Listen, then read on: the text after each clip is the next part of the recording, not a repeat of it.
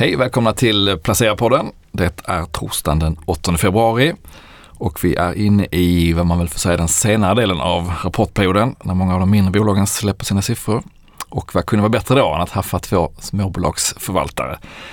Så att jag har bjudit hit Oskar Karlsson och Jon Hiltner från Enter Fonder. Välkomna!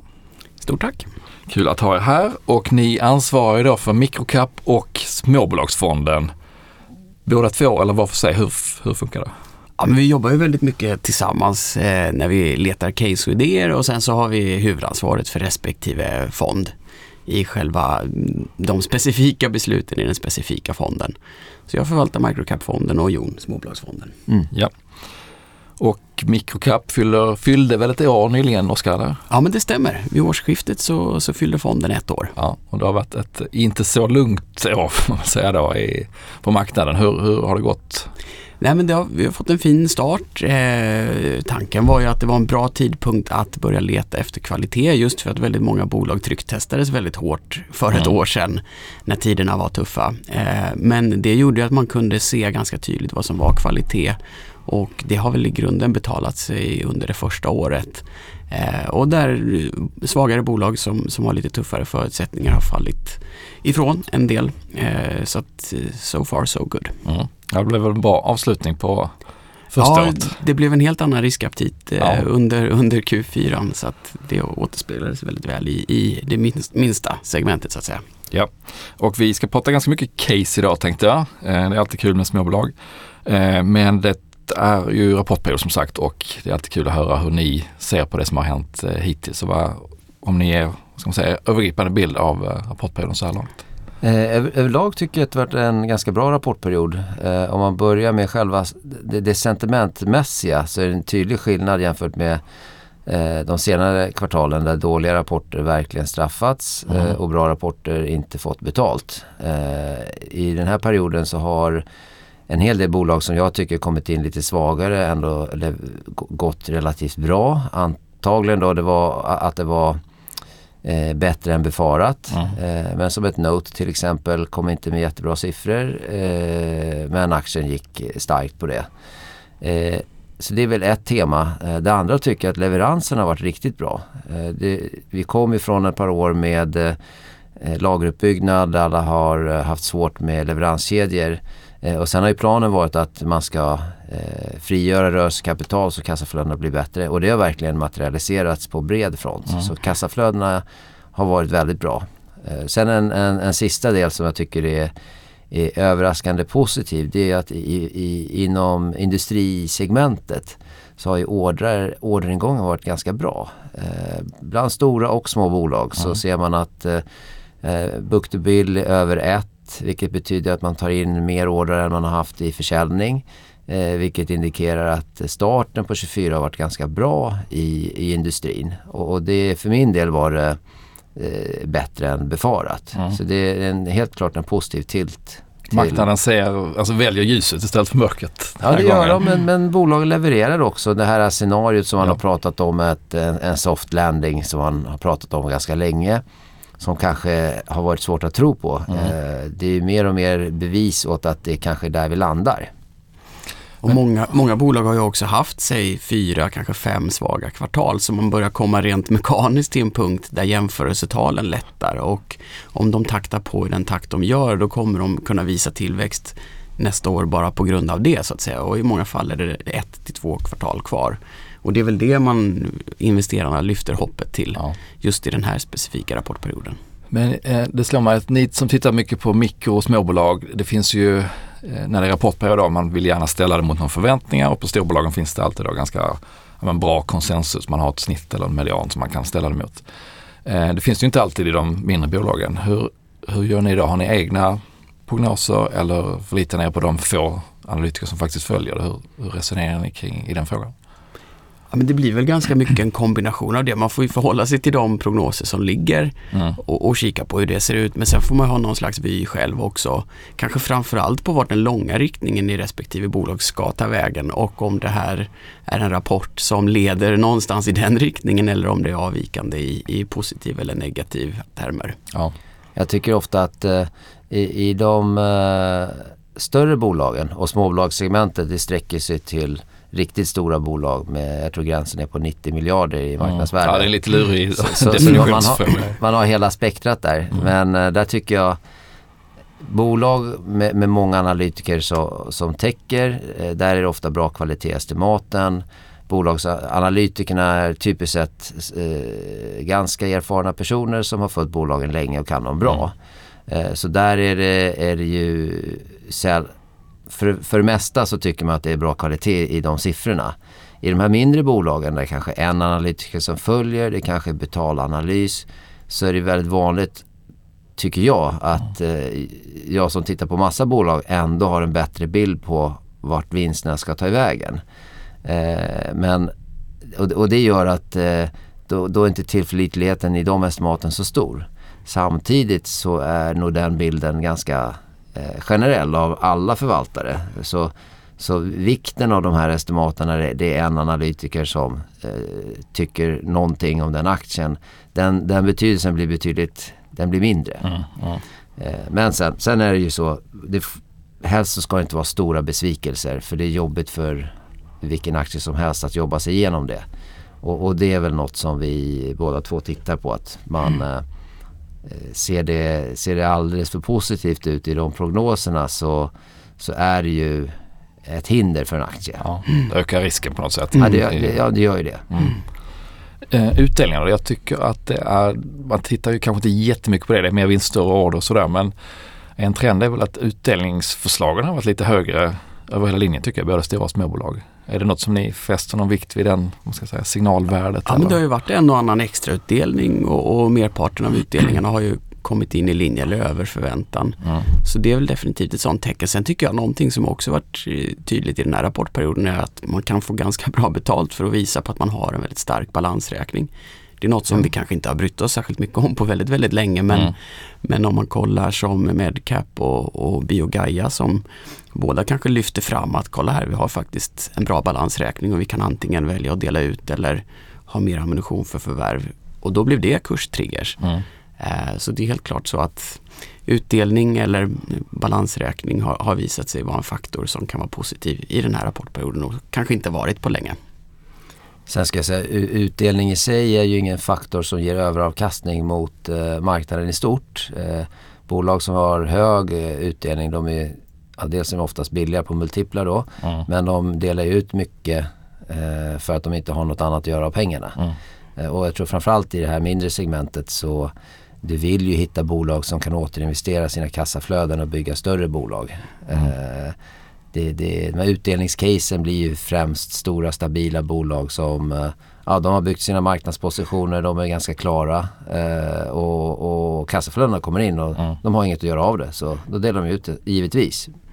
Ja, bra poäng. Man är inte generellt i småbolagssegmentet för att jaga utdelningscase antar jag. Nej, vi gör ju inte det i varje fall. Eh, och jag tror inte det är jättemånga som gör det i det, i det segmentet. Nej. Eh, hur aktiva är ni under rapportperioden med förändringar i innehav? Är det, passar ni på eller är det mer för att checka av att det går som ni hade hoppats? Förhoppningsvis är man inte aktiv för, för då har det blivit som man ville. Ja. Men eh, tyvärr så tvingas man att bli aktiv eh, lite då och då för att rapporterna kommer in sämre än väntat. Och ju mindre bolagen är desto större är ju utfallsrummet kan man säga. De stora stabila bolagen där skiljer det inte sig så mycket på vad, vad, vad det kan landa eh, för det mesta. Mm. Eh, men i det mindre segmentet så är det väldigt vanligt att eh, det händer någonting. De gör en felsatsning på någon produkt eller de är för oförsiktiga med sitt, sin lageruppbyggnad kanske så att kassaflödena är, är för dåliga för att det ska kännas som bra kvalitet.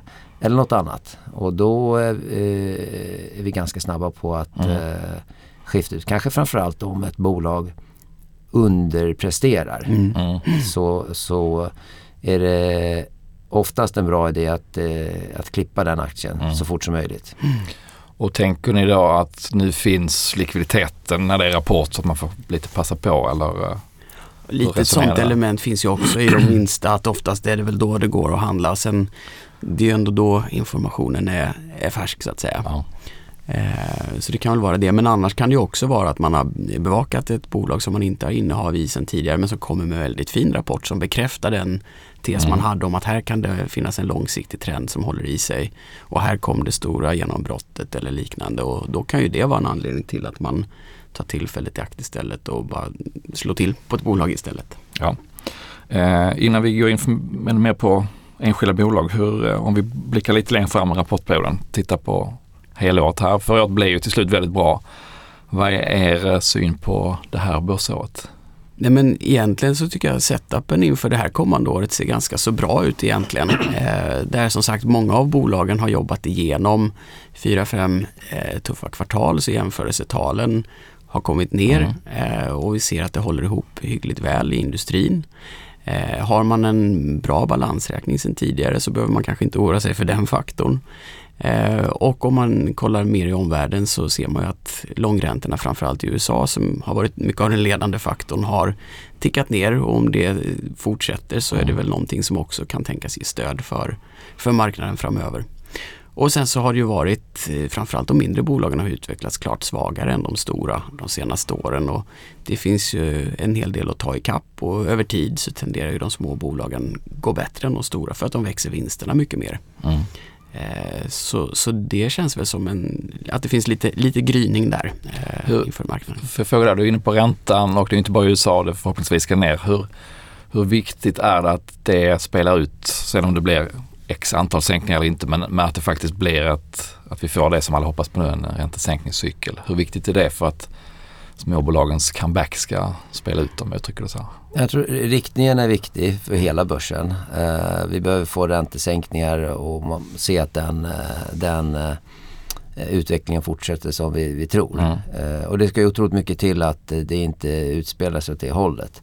Sen i vilken takt och när de här räntesänkningarna kommer är, det är mindre viktigt. Mm. riktningen är det absolut viktigaste. Mm. Och, och sen är det jättesvårt att och få rätt i när kommer första sänkningen och hur många blir det i år och så vidare. Men, men det tror jag mer är, det, det, det, det är lite brus. Ja. Eh, utan så länge man ser att räntesänkningar kommer då, då, kommer det vara positivt för, för aktier. Mm. Eh, Alternativavkastningen blir sämre helt enkelt på, på annat. Mm.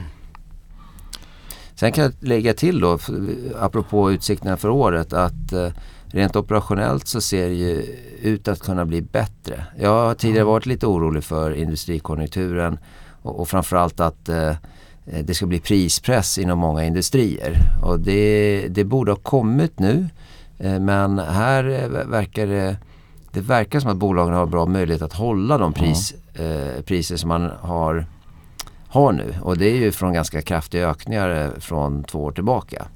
Eh, plus att volymerna ser ut att stabilisera sig och, och då, då den viktiga industrin ser ut att hålla upp väl. Sen har man ju andra segment som medicin eh, mm. som har haft jättetufft. Mm. Uh, här är USA-marknaden jätteviktig för det är där bolagen har mycket resurser att spendera på sjukvård. Mm. Uh, och, och, och, där kassaflödena för de, de kunderna har varit riktigt dåliga uh, under ett tag. Så där håll, har, har eh, de verkligen hållit i plånboken. Och det ser man också nu en, en tydlig vändning där Cellavision som finns i din mm. portfölj. Ja. Eh, där, mm. där kommer tillväxten tillbaka. Mm. Som att eh, de här kunderna har varit anorektiska på sina investeringar och nu kommer det tillbaka. Mm. Så, så, det finns flera, det är väl egentligen allt utom bygg. Mm. Där, där, ja. Och det byggrelaterade där det antagligen dröjer för att ledtiderna är så långa. Mm. För först måste räntorna de facto komma ner och projekten komma igång. Eh, och säga att du är sent i den cykeln som en installatör eller liknande. Då, ja, det blir någon gång in i nästa år som, som det antagligen blir bättre. Och det, det är nog lite för långt. Mm. mm. Just det. Samtidigt en... som det ändå kan bli tillväxtdrivare på något sätt framåt 2025, 2026. Mm. Vilket talar för att vi kanske befinner oss i början av någonting som faktiskt skulle kunna bli ganska långvarigt. Och lägger man också till ytterligare en långsiktig puck i form av ökade försvarsanslag så finns det ju ganska stora komponenter i BNP som ska förväntas mm. öka. Eh, om vi blickar lite längre fram. Men ni låter inte skitpessimistiska för det här året om man säger så. Nej men det är svårt att vara. Det har ja. varit, eh, jag menar det, det det vände i november kan man säga. Mm. Eh, för småbolag så försvann ju hela, det- egentligen så vände det i oktober 2022. Eh, och sen så blev ju 23 en utförslöpa igen. Mm. Eh, fram till bara ett par månader sedan. Mm. Så det har ju varit eh, en lång period med en riktigt dålig marknad. Mm. Och ser, man- ser man över tid så är det sju av tio år så går börsen upp. Nu har vi några år där det varit eh, Ja. ganska surt. Så man har tiden med sig. Ja, hoppas ni har rätt. Eh, men då kommer vi in på det mest intressanta kanske, hur man ska, var man ska placera sina marker då på den här spelplanen. Eh, jag tänkte så här, kan inte, ni tänkte dra ett par case.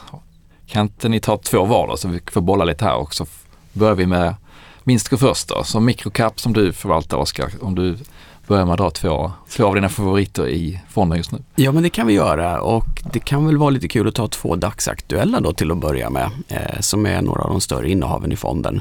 Och den första av dem är ju ett finskt bolag faktiskt som heter Harvia. Just det, bastu, aggregat. Såklart, vi Ja, letar mm. igenom hela finska marknaden landar i ett finskt bolag och det är efter mycket om men en bastutillverkare. Eh, Men, och det stämmer, de, eh, de har en väldigt stark eh, position såklart i Norden.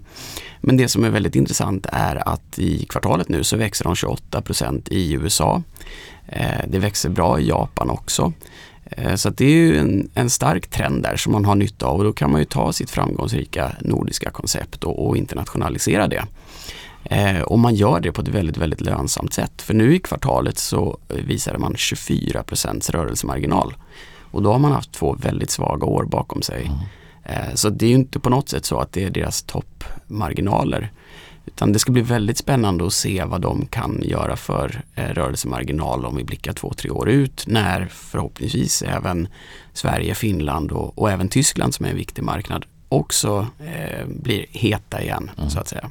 Jag gissar att äh, lägre räntor där så att man kan finansiera sin bastu inte är helt fel för dem heller då. Nej, det, det kommer ju bli viktigt och hänger väl, hänger väl med åtminstone i Norden. Eh, så, så det blir definitivt viktigt och då kanske man har glädje av det i händelse av att bostadsmarknaden förbättras inom något år, Mm. två eller tre så att säga. Men man gör det som sagt väldigt bra redan nu och framförallt och lönsamhetsmässigt. Jag tittade på de här för eh, något år sedan. Jag minns när jag läste årsredovisningen att de hade en siffra på hur många bastus det fanns i Finland i förhållande till antal hushåll. Det var ju fler, fler bastus än hushåll i Finland. Ja, det är helt Så skulle de fantastiskt. kunna få alla andra att äh, agera likadant så vore det ju I fantastiskt. USA tror jag det är en på 300 och i Tyskland en på 50 eller något sånt där. Så Okej. att, eh, Det finns ett litet gap att stänga. Det finns ett litet gap. Man kanske inte når hela vägen till Finlands nivå så att säga. Det Nej. får man nog vara mycket för. Men eh, det finns Ja. att göra. Kul, så den, där har vi första caset. Vilka är det mer du... Eh, Det andra som är dagsaktuellt som kommer rapport idag då, det är Tobii Dynavox. Eh, som gör eh, hjälpmedel för om man har funktionsnedsättningar. Och det kan ju vara allt ifrån eh, att man kan med digitala hjälpmedel eh, styra sin dator med ögonen eller eh, prata via skrift och så vidare. Eh, och det är ju ett bolag som har varit väldigt forskningsintensivt under väldigt lång tid, tagit fram väldigt mycket produkter, kommit till en punkt där det blir mer och mer av produkterna som har kommersialiserats och internationaliserats. Eh, och i fjol så var det väldigt mycket drivet av att man fick ersättningar i USA som steg eh, ganska mycket då i värde och det gjorde att det såldes mer. Eh, och det är någonting som förväntas fortsätta framöver och på det hela taget så gör väl det här att det är ett bolag som har haft ganska låga marginaler men i takt med att man skalar och det är inte jättemycket man skalar men det leder ändå till väldigt mycket lönsamhetsförbättringar. Så det är ett bolag som borde kunna göra en 15% marginal inom några år och där ligger liksom inte förväntansbilden riktigt. Är det produktbolag eller mjukvarubolag eller både? Det är lite både och. Eh, men det kretsar ju väldigt mycket kring specifik hårdvara Mm. och, och eh, mjukvara som egentligen, mycket av det här måste anpassas till, till eh, slutanvändare. Så det ligger ju mycket, mycket jobb eh, bakom att ta fram det som blir individanpassat och som behövs. Och det, det är ju tyvärr försvinnande få eh, som får den hjälp man, Mm, man mm. behöver få. Eh, så det finns ett stort jobb att göra internationellt med att, att eh, bredda användarbasen av de här produkterna som verkligen gör jättestor skillnad i människors liv. Och det här är en avknoppning, rätta mig om jag har fel va? I- Ja, man delade ju upp ihop eh, Tobii som också är noterat och Mhm. Tobii Dynavox. Eh, och när de satt ihop så fick väl Tobii Tech väldigt mycket av uppmärksamheten och kanske också Mm. kapitalet. Och det här var lite av en kassako men jag tycker verkligen man har sett nu när man har delat upp det här att när det här bolaget står på egna ben och kan fokusera på sin lönsamhet och sin marknad så har det verkligen hänt någonting eh, positivt där. Har du vad ska jag säga, vanliga Tobii också eller? Eh, nej, Nej. den har vi inte. Bra. Jon då? Eh, Jag tänkte börja med ett kluster av bolag som har funnits i fonden eh, väldigt, väldigt länge. Eller jag har förvaltat fonden sedan 2019 och då har de här bolagen ingått. Eh, och det är de här eh, förvärvande industribolagen, eh, Lifco, Indutrade, Adtech, Lagercrantz. Populärt gäng.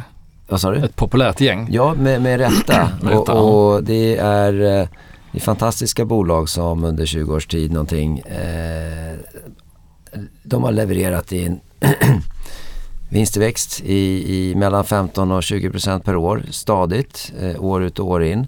Och eh, det, är, det är rätt speciella affärsmodeller och innan jag började som förvaltare så var jag analytiker på, på Handelsbanken och följde de här bolagen. Och det, det, för 10-15 år sedan då var det inte lika populärt eh, och man tyckte affärsmodellerna är konstiga. Mm. För det de gör är att de, de bygger ju stora bolag med, eh, med oberoende dotterbolag. Så ta Adtech till exempel består av ungefär 150 eh, dotterbolag som oberoende av varandra eh, styrs. Eh, oftast är entreprenören som de har köpt bolaget av kvar som VD.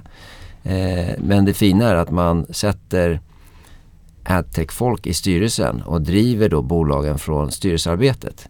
Och jag tror det är ett, ett eh, mycket mer effektivt sätt än så många stora bolag har med, med organisationer där du har här har du en HR-avdelning för alla de här bolagen. Eh, Du har en marknadsavdelning för alla de här bolagen. Och det är så många bolag där affären är så spridd i sig att du behöver något väldigt specifikt. Eh, Så det, det som är resultatet är bolag som är otroligt effektivt styrda där affärsbesluten tas väldigt nära affären. Finansiella resultaten är ju då fantastiska för de här bolagen har eh, förbättrat sina marginaler. De ligger mellan, eh, ja, mellan eh, 15-20 procents eh, nivån för de här på, på, e- på rörelseresultatet och avkastning på kapital är högt. Eh, och sen är de ju otroligt disciplinerade med vilken typ av bolag de förvärvar. Inga turnaround case utan det är bevisade affärer, redan hög lönsamhet eh, och så betalar de inte så mycket. Det, det, det är 5-7 gånger vinsten. Och när du inte betalar för mycket då kan du driva 10% tillväxt varje år med befintliga kassaflöden. Så du behöver inte trycka nya aktier för att göra de här förvärven. Eh, och så diversifieringen, att de står på så många ben, det gör att det är nästan aldrig någon rapportbesvikelse. Så Nej, det, du sa det när vi pratade precis innan vi körde igång här. Mm, Vissa, ja. vissa bolag sover man liksom inte dåligt med i rapportperioden. Nej, och det är oerhört bekvämt med, eh, såklart för man, det, det är så sällan man, det blir en resultatbesvikelse. Mm. Eh, och, och, och det gör också det, det gör det lättare att fatta bra beslut. Mm. Att man inte eh, påverkas för mycket av en, en volatil affär och ta dumma beslut. För, för det är ju lätt att handla där, hamna där också. Mm. Men det låter ju nästan för bra för att vara sant och det är, det är både många bolag som är inne i den här sektorn och många som vill starta upp Mm. inom det. Eh, och vad ska man säga, en, en råvara här är ju på något sätt att det finns bolag att köpa då. Ja. Så att eh, om man blickar framåt lite då kommer de att kunna betala de här ganska attraktiva priserna och kommer det finnas tillräckligt många bolag på 5-10 års sikt för Ja. att den här modellen ska hålla. Ja, de har gjort det i 20 år. Eh, de köper fler bolag nu. Men de blickar också ut. Så i, början Mm. var ju alla koncentrerade. Först Sverige, sen Norden. Eh, nu har flera av de här bolagen kommit ut i UK, eh, i Dachområdet. Tyskland har varit jättesvårt för det här Mittelstand som man Mm. kallar det med alla små familjebolag. Där blir det generationsväxling nu och, där finns det möjlighet att förvärva bolag och det finns otroligt mycket fina bolag. Så jag skulle säga det är ingen eh, trång sektor att hitta bolag eh, utan eh, det, det, det viktigaste är att de håller sig disciplinerade och fortsätter göra som de gör och också inte har för bråttom. För man har ju sett eh, exempel på där eh, den här strategin gått rätt i diket. Eh, och det har ju i samtliga fall varit när, när bolagsledningarna och ägarna har haft för bråttom. Så man nöjer sig inte med att addera kanske 10% vinsttillväxt per år utan man ska addera 20-30% vinsttillväxt per år. Och då springer man för fort eh, och det är kanske risk att man betalar för mycket. Men framförallt du, du, du gör inte din due diligence ordentligt. Du köper fel typ av bolag mm. som sen inte levererar. Ja, det såg vi väl ett par exempel på här i senaste IPO-vågen att många ville spela det här spelet. Ja, så, så det är det är en mycket svårare strategi att exekvera än man tror. Eh, för på pappret så låter det mm. superenkelt. Eh, men då ska man komma ihåg att de här alla förvärven går i, regel upp till styrelsen där vd sitter och ordföranden. Eh, och eh, de har tittat på hundratals bolag. Eh, eller de har gjort hundratals förvärv mm. och tittat på många, många fler. Så där har de ju en, en möjlighet att ganska med bra precision identifiera vad är en, en stark affärsmodell och vad är en mindre stark affärsmodell. Mm. Ja men det var ett, ett eh, paketpris eller ett paket där med flera bolag då. Ja och, och, det är en stor del av, av, uh, av innehaven i den här fonden och ja. har varit så. Och, och, det som, i och med att det är kvalitetsbolag som alltid levererar så det, det tråkiga är att de är sällan uh, uppenbart billiga. Uh, utan de handlas mellan 25 och 30 gånger vinsten mm. för det mesta och, och det blir sannolikt inte billigare. Men i och med att förvärv är en del av, av affärsmodellen Eh, och, och, nu är det här mogna bolag med många analytiker som, som täcker dem. Men i regel så ligger de affärer, affär, förvärven inte med i estimaten. Nej. Så det gör att ty, typiskt sett så om man tror att vinsten ska bli eh, 100 för året så när året är slut så blev det 110. Mm. Och, och, och, då får man en, en, positiv trend hela tiden med en, en, en överleverans mm. mot utgångspunkten vid ingång, ingången av varje år. Det är väl den stora det stora som har hänt värderingsmässigt i den här sektorn egentligen att man vågar ta in då framtida förvärv som man kanske inte gjorde för, som du är inne på, 10-15 år sedan i, i kalkylerna. Eh, ja, men det, det, har blivit ett skifte. Eh, sen är det väl generellt att höglönsamma eh, bolag med, med, tillväxt har blivit lite dyrare än vad de var eh, innan. Eh, även de var extremt dyra under, finans, eh, under eh, covid-fasen. Mm. Eh, men de är även lite dyrare nu jämfört med, med 2017-18. Eh, så det har blivit ett skifte. Det kan också vara en, en, en anledning kan ju också vara att de har blivit större i marknadsvärde. Mm. Och då finns det fler eh, aktörer, även utländska, som eh, har möjlighet att investera.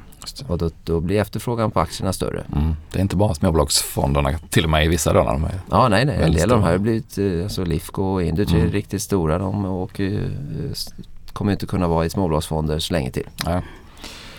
Um, ja men det var ett, vi får klumpa ihop dem till ett, mm.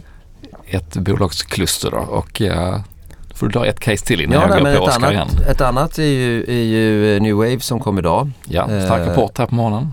Eh, väldigt bra rapport, var väl 7% bättre än väntat. Resultatet är ner lite year over year eh, men då möter man ett rekordresultat förra året. Och, och det fina är att bruttomarginalen är faktiskt bättre. Eh, så den håller upp väldigt väl trots att det är ett tufft klimat. Och det pekar på att de har varit duktiga på att hålla i sina priser och inte behövt sänka mm. och har, har en väldigt effektiv hantering av, uh, av alla varor som ska ut och in. Uh, så det, det, är positivt. Eh, och, och, sen så blev kassaflödet också bra och det har varit en liten hämsko för aktien och, och en anledning att den handlas på vad det, 11 gånger vinsten för, för innevarande år. Och det, det jag gillar med New Wave är att det, det är väldigt sällan jag hittar aktier som jag tycker är, är uppenbart eh, felprissatta. men här prissätter man en, en verksamhet som har en lång historik av bra tillväxt. Eh, det är hög avkastning på eget kapital. Eh, marginalerna förbättrar sig. Eh, och ändå så är det en jättestor rabatt i, i förhållande till snittbolaget på börsen. Mm. Så, och det är en stark balansräkning. Torsten har till vana att ta vara på tillfällen när de dyker upp. Så det kommer sannolikt komma in något intressant förvärv utöver den underliggande fina verksamheten. Så det, den eh, tycker vi ser väldigt Mm. intressant ut. Men för att fråga där på värderingen, du nämnde kanske P11 det ligger någonstans Mm. nu. Vad, är, eh, vad skulle du vilja se dem för att känna att ah, men nu kan jag nog börja sälja lite här på värdering? Nej men det här, det, ska ju åtminstone handlas på 15 gånger vinsten den här typen av bolag. Även om New Wave historiskt inte gjort det. Mm. Men det tycker jag eh, aktien absolut förtjänar. Eh, och det är jättesvårt att veta hur för det är ju marknadssentiment som sätter Mm. multipeln. Eh, jag tror kombinationen av att de byggde mycket lager så kassaflödena var, var dåliga under tillväxtperioden som man kommer ifrån. Eh, det i, kombination med en oro för konsumentkonjunkturen som är en ganska stor del av omsättningen. Eh, jag tror det är, det viktigaste skälen för att aktien är så lågt prissatt. Men eh, nu såg man ju Boost kom in här nu på morgonen också med bra siffror. Clas Ohlson hade bra januariförsäljning. Mm. Det, det vänder inom konsumentledet nu som det ser ut.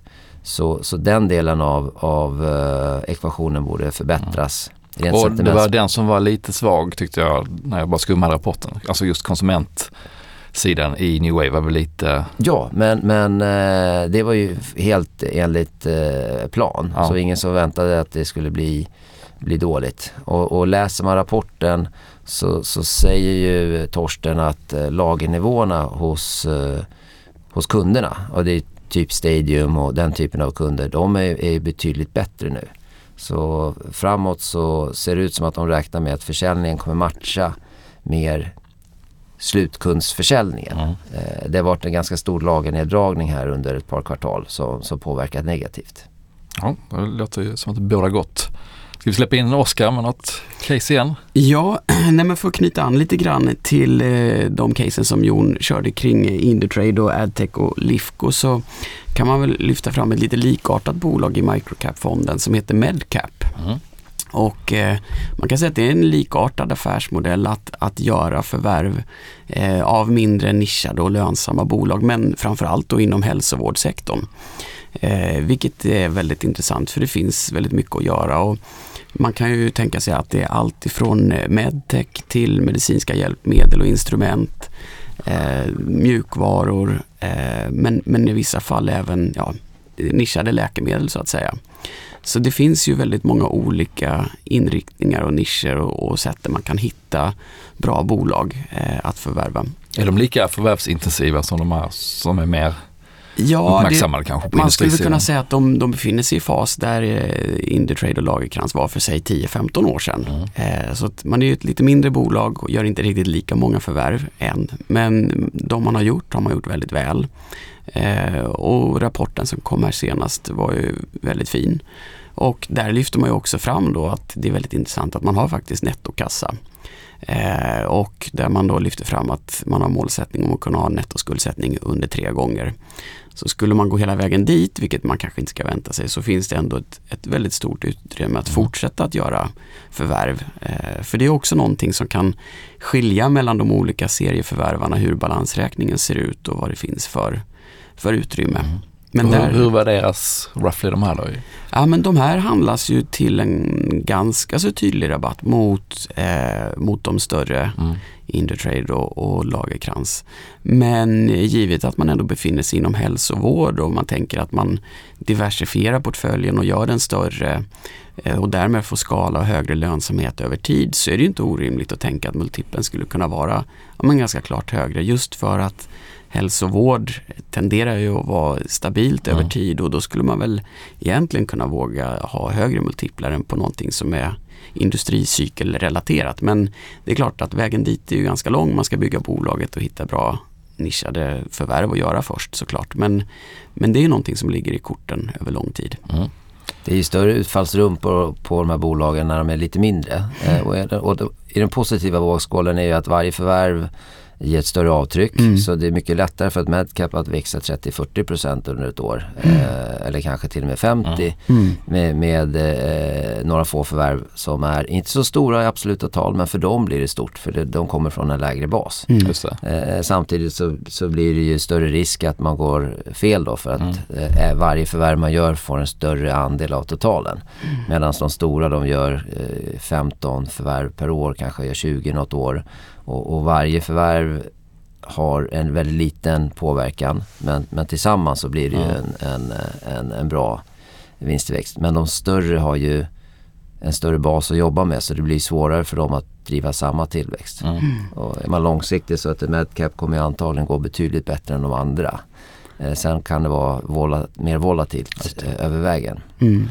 Eh, när du var här hos mig precis när du hade startat fonden Oskar, då vet jag att Mm. du pratar varmt om Encon. Ja men det stämmer. Är de kvar i lådan? Ja, nej, men de är kvar där och de är fortfarande ett, ett betydande innehav.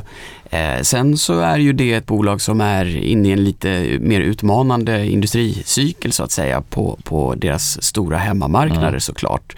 Eh, och det är väl det som är lite av hämskon i det korta perspektivet och som har varit utmanande för dem i säg två, tre kvartal och det är väl sannolikt så att det är lite tuffare försäljningsmässigt i något eller några kvartal De, till. de har inte rapporterat än va? Eh, nej, det har de inte gjort. Eh, men däremot så de långsiktiga utsikterna ser ju minst sagt intressanta ut. Eh, Norden är som sagt en väldigt mogen marknad för dem. Här är det ju 80-90% penetrationsgrad. Så att man använder liksom tiltrotator till sin grävmaskin här i, i Norden helt enkelt. Mm. Men man gör det inte i övriga världen. Förutom i några eh, europeiska länder där man har kommit igång och där man växer strukturellt bra och USA. Eh, och caset ligger väl helt enkelt i att eh, man ska fortsätta att växa och ta andelar i, eh, i USA och i Europa. Mm. Eh, och det är väl egentligen det som strukturellt pågår. Man ska basta som finnarna och Mm. man ska köra grävmaskin som, som svenska byggare. Då. Då, Exakt, då blir det kanon. då blir det topp. Eh, Okej, fler case? Vi får inte nog. Ja, vad har vi mer? Vi kan eh, lyfta fram eh, ett bolag till som rapporterade tidigare i veckan här, eh, CTT Systems. Mm. Luft, luft i flygplan va? Ja, exakt. Eh, luft, vad ska man säga, luftfuktning och även avfuktning. Det finns ju lite olika problem på flygplan Mm. eh, kring det. Eh, och det är ju ett bolag som har jättestarka globala marknadsandelar för man är i princip hovleverantör till Airbus och Boeing. Så av de större modellerna som byggs hos de här två är ju CTT inspesade i det mesta. Eh, och vi har ju kommit från en period där det har byggts väldigt få plan. Dels såklart under det som hände under pandemin när det inte Mm. flögs särskilt mycket. Men också de lite mer operationella interna bekymmer som Boeing haft under de där två, tre åren som, som föregick pandemin. Så under väldigt lång tid så har det inte byggts särskilt mycket plan. Men nu har ju efterfrågan på, på resande och eh, flyg, flyg generellt stigit efter pandemin. Och det görs, gör ju att planen flygs mycket mer och därmed så, så börjar det komma signaler om att både Airbus och Boeing ska dra upp sin produktion väsentligt eh, under de kommande åren. Och det är ju typiskt sett en cykel som kan hålla i sig 5, 7, 8 Mm. år. Eh, och då har ju CTT kommit från en situation där man har levt i princip bara på sin eftermarknad. Eller rättare sagt 80% av försäljningen har varit eftermarknad. Eh, och där har man ju väldigt fina marginaler. Det har ju varit upp mot nästan 40% marginal. Så det har ju varit bra. Men nu väntar man sig när man blickar framåt då också att du ska få OEM, vilket är ny försäljning till nya plan också på toppen. Vilket gör att sannolikt så kommer ju försäljningen växa väldigt mycket framgent. Sen får man ju med sig att det är mycket lägre marginaler på det så att man kommer nog ha fallande marginaler. Men till syvende och sist så, så blir det ändå en större vinst på sista raden och en större installerad bas. Men du tycker inte det är lite otäckt där att det är två, egentligen bara två huvudsakliga kunder? Om någon av dem får stora problem eller eh, Ja, man inte kommer överens om priserna så Absolut, nej men så, så är det ju. Eh, samtidigt så är det ju väldigt långa produktcykler på en flygplansmodell och både Airbus och Boeing är väldigt måna om att alla komponenter, varenda komponent ska vara verifierad och, och testad och säkerhetskraven är väldigt höga inom flyg så att Ja. är man väl inne är det nog väldigt svårt att bli utbytt. Ehm, så att det i sig är väldigt spännande. Men sen finns det också intressanta segment kring privatjet och liknande som inte har varit en adresserbar marknad förut men som börjar bli det. Eh, och man skulle också kunna tänka sig att man har de här eh, avfuktarna på fraktflygplan och liknande också Mm. för piloterna. Så att det finns liksom sidosegment som också skulle kunna addera tillväxt till ett bolag som är förhållandevis litet och därmed skulle det kunna bli en materiell tillväxt. Vi, vi träffade ju bolaget Mm. igår och hade ett jätteintressant möte men eh, en, en vä- väldigt viktig del av grundaffären som, som, är, eh, som, som bygger basen det är att den, den här eftermarknaden där man har bäst lönsamhet den styrs av flyg, fly, flugna timmar. Just det. Så, så eh, länge flygandet är på en bra nivå och det stiger hela tiden så kommer man vara tvungen att en, en avfuktare kanske behöver byta en del efter 4000 timmar och hur bolagen mår egentligen spelar ingen roll. Så länge det är flyg så kommer det här bytas ut för det är så otroligt tuffa eh, regelkrav på det.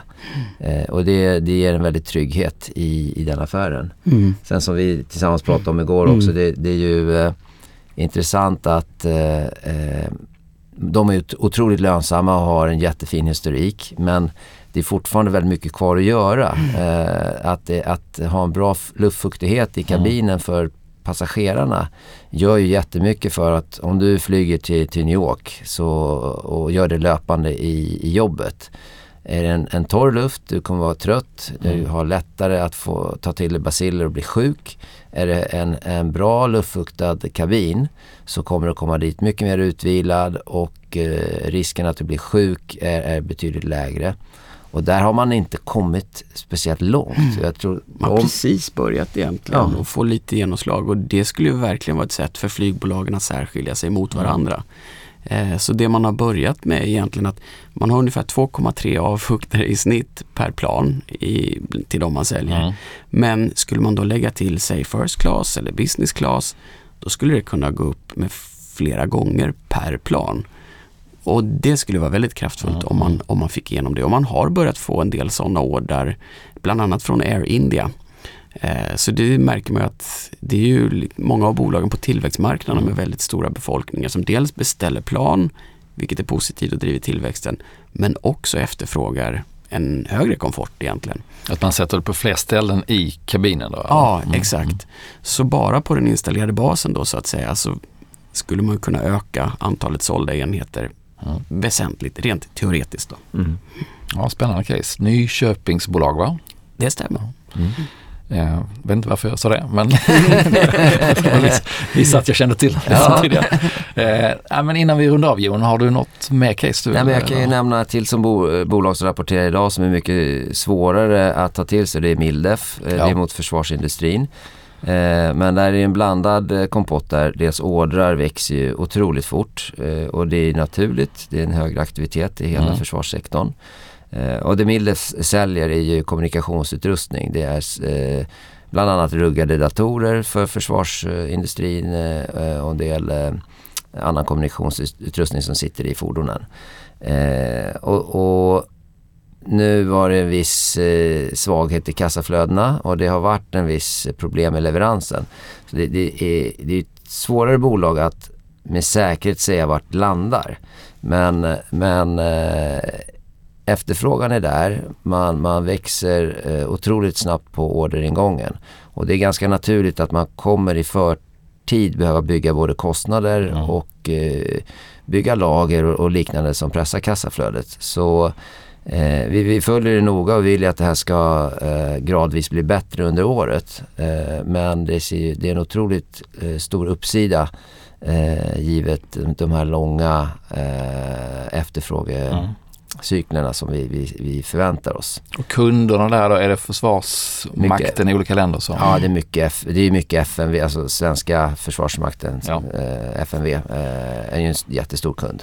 Men sen även in, annars är det ju NATO-länder, även i, utan att Sverige är med i NATO så kan man säga att eh, egentligen så är, har ju vi varit med i NATO hela tiden Mm. inofficiellt Mm. och, och deltar i massa övningar och eh, rent affärsmässigt så, så har ju Midlef och, och andra svenska bolag kunnat sälja till NATO-länder. Mm. Hinner vi prata lite Bufab också eller? Absolut. Mm. Eh, Rapportbolag det också idag. Ja, och, och eh, det är också ett innehav som vi har haft ganska länge. Eh, och där har det funnits en oro. Jag har faktiskt viktat ner lite, ta, eller tagit ner positionen i storlek här.